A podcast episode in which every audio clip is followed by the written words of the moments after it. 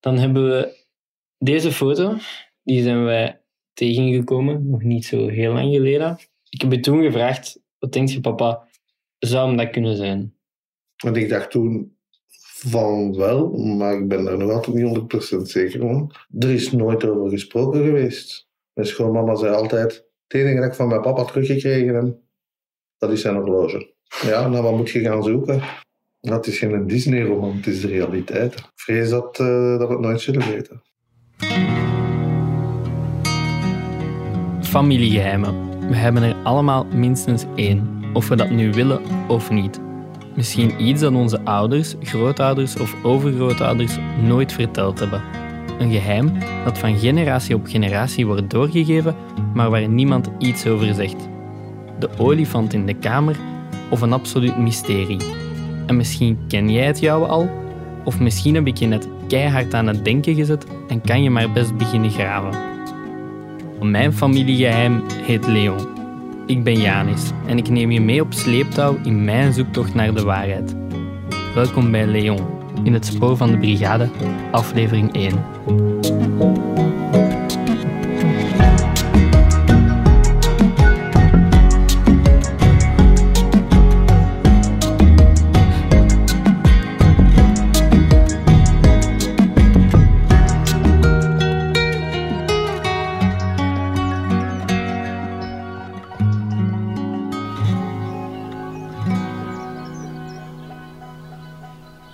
Ons verhaal start in de zomer van 2012. Ik ben op dat moment 14 jaar oud en heb enkele weken ervoor afscheid genomen van mijn meter Marie, of Mariette, zoals ze door iedereen genoemd werd. Marie was mijn grootmoeder van mama's kant, een strenge oude weduwe die door het leven ging in haar pantoffels en kleurrijke verschuten, of voorschoten in het AN. Een beetje de typische bomma-look dus. Marie was geen prater en een hechte emotionele band opbouwen met haar is me jammer genoeg nooit gelukt. Het is een doodnormale zomerdag die we, net zoals de rest van die zomervakantie, gebruiken om met heel de familie het ouderlijke huis van mijn mama leeg te maken. Het huis ligt in een rustige, doodlopende straat in Ruisbroek en wordt binnenkort verkocht. Alles moet er dus weg. En terwijl de kinderen uit de buurt spelen in de zon, verdelen wij ons over de verschillende kamers. Wij, dat zijn mijn ouders, mijn tante, mijn neef en ikzelf. We plooien kledij op, verzamelen brieven en documenten en pakken alle breekbare spullen, zoals vaasjes en beeldjes, mooi in. Of toch bijna allemaal. Een niet zo spannende zomer zou je kunnen denken, maar het huis van mijn meter zit namelijk vol geheimen. Doorheen het huis zijn verschillende kluizen en kastjes verstopt als een geheim luikje in een boekenkast, een koffertje in het vals plafond, een lokker achter de radiator. Het is een echte schattenjacht die zo dadelijk nog een pak spannender wordt. Vanuit de kelder horen we iemand roepen. Hela, kom eens naar beneden, kom ik zien wat ik hier gevonden heb. Dat is mijn papa, Bruno. De rest van ons daalt af naar de muffe en vochtige kelder. Ter hoogte van de garage zien we mijn papa met een plakkaat in zijn handen. Een kleine rechthoekige plaat van 15 bij 20 centimeter. En zonder overdrijven, dat ding weegt. Op de voorzijde staat een leeuwenkop met daarnaast geschreven Brigade Piron 1944-1945. Je hoeft geen expert te zijn om te weten dat dit iets te maken heeft met de Tweede Wereldoorlog. Maar wat dan? Voor zover wij op dat moment weten, heeft onze familie geen link met de oorlog of het leger. Maar wat doet die plaat hier dan? Verstopt in een kast in de kelder? Zouden mijn grootouders deze ergens gevonden hebben? Of kregen ze ze misschien cadeau? Misschien is het wel een van die gekke verzamelingen van mijn meter. Het plakkaat verdwijnt in de koffer van de auto en gaat mee naar huis. Enkele dagen later krijgen we telefoon van mijn tante, zij heeft in het huis toevallig nog een zak gevonden vol met oude brieven en foto's die ze nog nooit eerder gezien heeft. Ze vraagt of ze tot bij ons kan komen, zodat we deze samen kunnen bekijken. En eens mijn tante aangekomen is, leggen we de inhoud van de zak bloot. Tante heeft die, toen die zak binnengebracht met allemaal spullen. Kunt u je nog herinneren wat dat daarin zat? vaag. Er zaten foto's in. Er zaten brieven in. En die kleine enveloppen. En wat in die kleine enveloppen zit, dat tart echt alle verbeelding. Maar dat is voor straks. En dan ben ik even op de computer gaan zoeken. En uiteindelijk hebben we toch zo gezien dat er vermoedelijk allemaal die puzzel ineen paste. Mijn papa opent een webpagina en we zien daarop een foto van een soldaat op een motor. En voor het eerst zien we dus Leo, mijn overgrootvader. Dat kunnen we afleiden uit een van de attesten waarin duidelijk vermeld staat dat Marie zijn dochter is. Mijn mama bekijkt ondertussen de foto's uit de zak. Een van die foto's is van een jonge man, Leo dus, die trots voor een huis staat met zijn koersfiets in de hand. Oké, wauw. Koersverleden ook? Of... Koers- Ja, geen idee. In het deurgat naast hem staan twee vrouwen, een jonge en een oudere vrouw, vermoedelijk zijn partner en zijn moeder. Dit is de eerste keer dat mijn mama en haar zus hun grootvader zien of überhaupt over hem horen, want tot nu toe is er nog nooit een woord over Leo gerept. Wat ons meteen opvalt, is dat hij in een paar documenten Leo wordt genoemd, maar de brieven die zijn ouders schrijven steeds gericht zijn aan Léon. Behalve zijn naam is de enige zekerheid die we op dit moment hebben dat we eigenlijk niks over hem weten.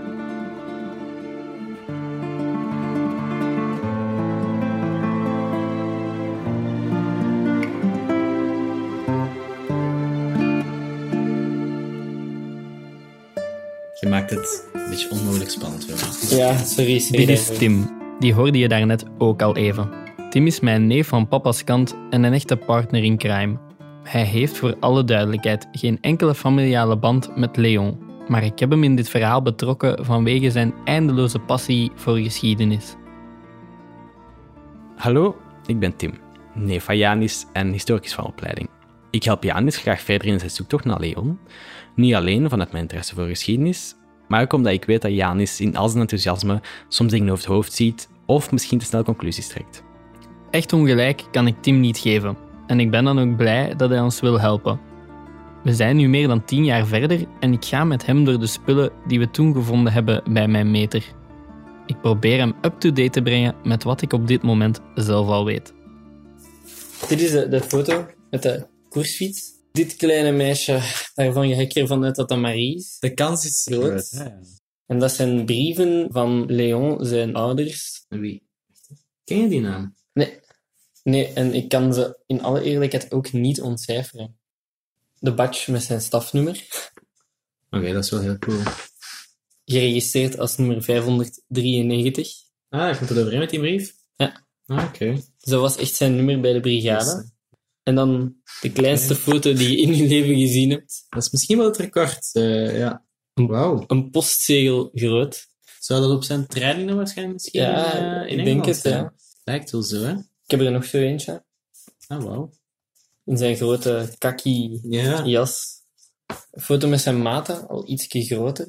En dan wie de foto? Want... eh, hier, de tweede Ah, van links oké. van achter. Oké, amai. Dan de foto, het beeld dat, dat we hebben van hem. Ja, ja. De, de coole scout op de, op de brommer. Ja, ja, ja. Voor mij is het even allemaal heel verwarrend, omdat enerzijds weten we niet goed wat dat zijn verleden is voor oorlog, en anderzijds is na oorlog precies ook een beetje ja, een chaos. Oké, maar we hebben wel al enkele dingen waarmee aan de slag kunnen. Maar ik ga eens zoeken, normaal gezien. Enkele dingen waarmee we aan de slag kunnen. Zo moeilijk kan het toch niet zijn om dingen over je voorouders terug te vinden. Gewoon Leon even googelen en wat archieven opbellen. Althans, dat dacht ik toch. Nos lignes sont actuellement occupées. Merci de bien vouloir patienter.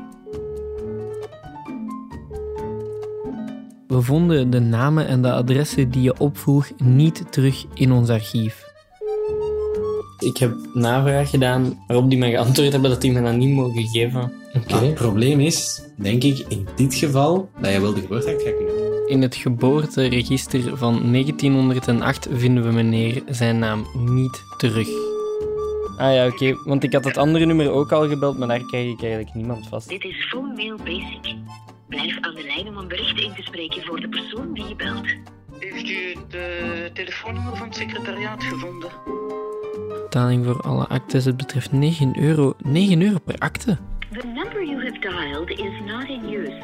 To find your correspondence number, you can call. Ah, man, mannetjes, hoe moeilijk kan het zijn?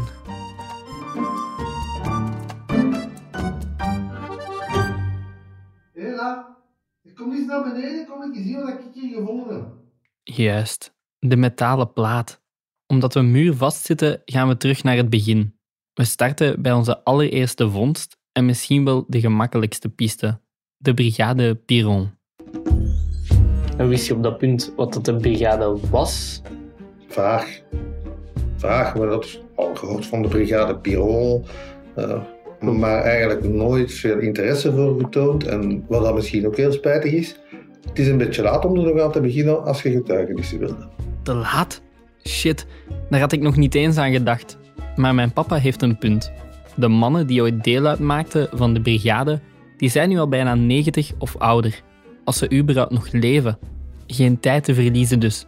Tim die heeft alvast wat research voor ons gedaan en geeft je een kleine geschiedenisles over de brigade Piron.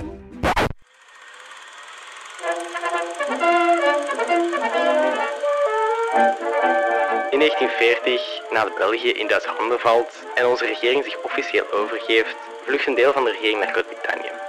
Daar lanceert men een oproep aan alle Belgen om zich te blijven verzetten tegen Duitse troepen. Het resultaat is overweldigend. Amper een maand na de oproep zijn al bijna 500 man afgereisd naar Engeland om zich bij de geallieerde troepen te voegen. Ze worden ondergebracht in Tenby, een vissersdorpje in Wales, maar de Britten zijn echter niet voorzien op zoveel extra manschap. Er is behalve een dak boven hun hoofd geen enkele invulling voor de Belgen. Er zijn geen uniforms, geen wapens, geen jobs. De Belgen vervelen er zich in eerste instantie en beginnen enkele onderhoudstaken in te vullen. Alles verandert op het moment dat major Jean-Baptiste Pirot aankomt. Hij weet uw motivatie in geen tijd om te zetten in strakke trainingsschema's, samenhorigheid en discipline. De eerste Belgische infanteriebrigade krijgt uiteindelijk materiaal en voertuigen tot hun beschikking en vormt zich al snel om tot een van de meest gemotiveerde bataljons die aan de bevrijding zal deelnemen, onder het goedkeurend oog van de geallieerden. De brigade die we vandaag kennen, onder de ronkende naam Brigade Piron, is geboren.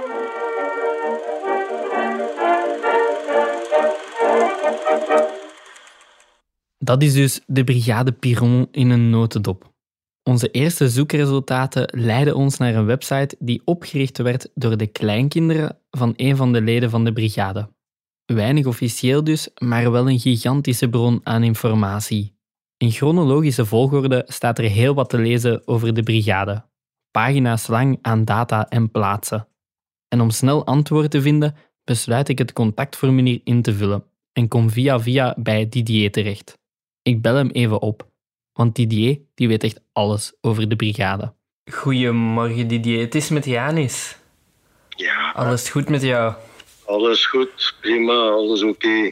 Didier's vader zat zelf bij de brigade Piron en heeft hier boeken over geschreven. Mijn naam is Didier Dufrane. Ik ben de voorzitter van de Koninklijke Nationale Federatie, Vriendenkringen Brigade Piron, en de zoon van sergeant Pierre Dufran, een oud-strijder van de Brigade Piron. Didier is van jongs af aan groot geworden met de verhalen over de brigade. Maar kleins af ben ik daarin opgegroeid, ook tussen de anciens, want ik kwam maandelijks een keer samen.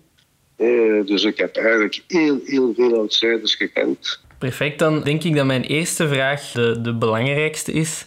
Namelijk, Didier, wat is de brigade Piron? Vele jongere en wat oudere landgenoten, zoals bijvoorbeeld Léon Closet, waren naar Groot-Brittannië gevlucht uit schrik om afgevoerd te worden naar Duitsland om er te gaan werken. De Belgen die erin geluid werden, kregen echter begin 1943 de kans via de Belgische ambassade, die in ballingschap was in Groot-Brittannië, een overeenkomst te tekenen om de Belgische strijdkrachten te gaan vervoegen in Groot-Brittannië. In 1943 werd de eerste Belgische onafhankelijke groepering opgericht, welke later dan in de volksmond Brigade Piron werd genoemd. En wisten zij eigenlijk, dus, dus zij zijn Ja. naar Engeland vertrokken. Wat gingen ze daar gaan doen? Ja, Ja, wisten zij eigenlijk waaraan dat ze begonnen? Nou ja, eigenlijk niet. Hè. Waarom zouden die volgens jou alles achterlaten om, om eigenlijk te gaan strijden daar? Ja, dat is een goede vraag.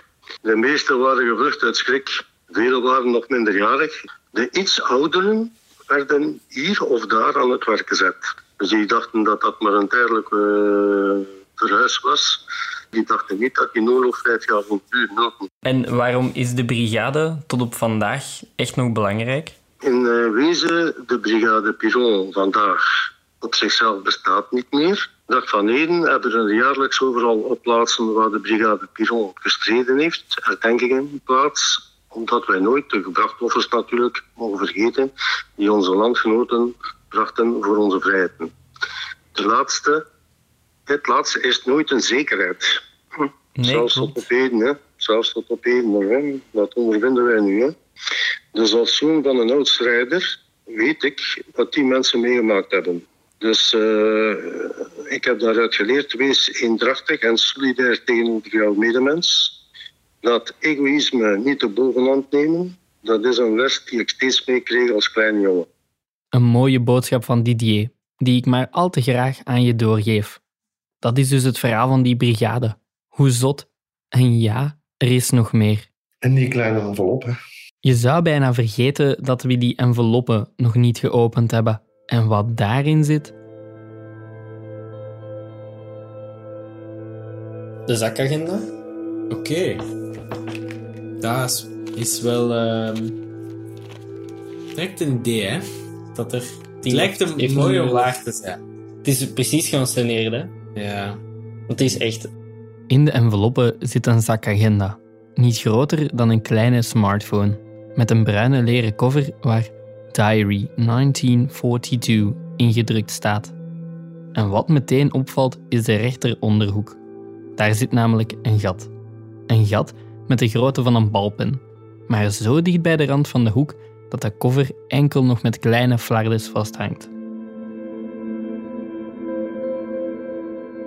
De sterkte van de agenda neemt pagina per pagina af en sommige bladzijden blijken donkerrood en plakken stevig aan elkaar vast. Het is bloed. Bloed van Leon dat zich bijna 80 jaar lang vastgezet heeft in de agenda. Als je de zakagenda zag die doorboord was met bloedvlekken op, ja, ja dat ligt niet, hè. Dan zie je wat er gebeurd is. Althans, dat denken wij toch. Tim die ziet dat net anders. Het lijkt bloed, maar het zou ook de kaft kunnen zijn. Wel, dat weet ik niet goed. Um, sommige pagina's steken er ook ondersteboven in. En ze moeten zo gezeten hebben op het moment dat hij... Ja, dat hij voorgehad heeft wat hij voorgehad heeft. Want het gat zit op die plaats, dus... Of het nu bloed is, of toch gewoon de kaft, de agenda spreekt voor zich. Ze is aan flarden geschoten en ze was getuige van iets indrukwekkend. Maar wat is er toen met Leon gebeurd? We besluiten om de inhoud van de zak te digitaliseren en bewaren de originele items in een grote zwarte doos, de welke je soms nog gaat tegenkomen doorheen deze reeks. En zonder dat we het zelf beseffen, is de geest al uit de fles. En begint er een zoektocht die nog lang zal duren. Wat weten we ondertussen wel? Leon is de papa van mijn grootmoeder Marie en dus mijn overgrootvader. Hij zat tijdens de Tweede Wereldoorlog bij de Brigade Piron, een vrijwilligersleger van België in Engeland. Leon was in het bezit van een kleine zakagenda die aan flarden gescheurd is en onder het bloed zit. Maar we weten niks over wie hij was, over wanneer hij vertrok, waarom hij vertrok, hoe zijn gezinssituatie was en wat er met hem en de kleine Marie gebeurd is. We staan nu voor een immense opdracht, want hoe kan je in godsnaam achterhalen wat er zich afgespeeld heeft in een tijd waar dingen slecht of helemaal niet gearchiveerd werden? We moeten terug naar een periode van wereldwijde chaos en paniek. Goed wetende dat de meeste getuigen nu waarschijnlijk niet meer leven en er eigenlijk met niemand veel gaat kunnen vertellen. Maar maakt dat de uitdaging net niet zoveel interessanter? We geven niet op, want we zijn nog maar net begonnen en we keren wel draad terug naar 1940. Leon achterna. Ziezo, dit was de eerste aflevering van Leon in het spoor van de brigade. Bedankt aan Pieter van House of Media voor de montage en de mixing en aan het nieuwsblad voor de realisatie. Merci aan Didier Dufrane, mijn papa Bruno en neef Tim voor hun getuigenissen en hulp. En vooral bedankt aan jou om samen met mij op zoek te gaan naar Leon.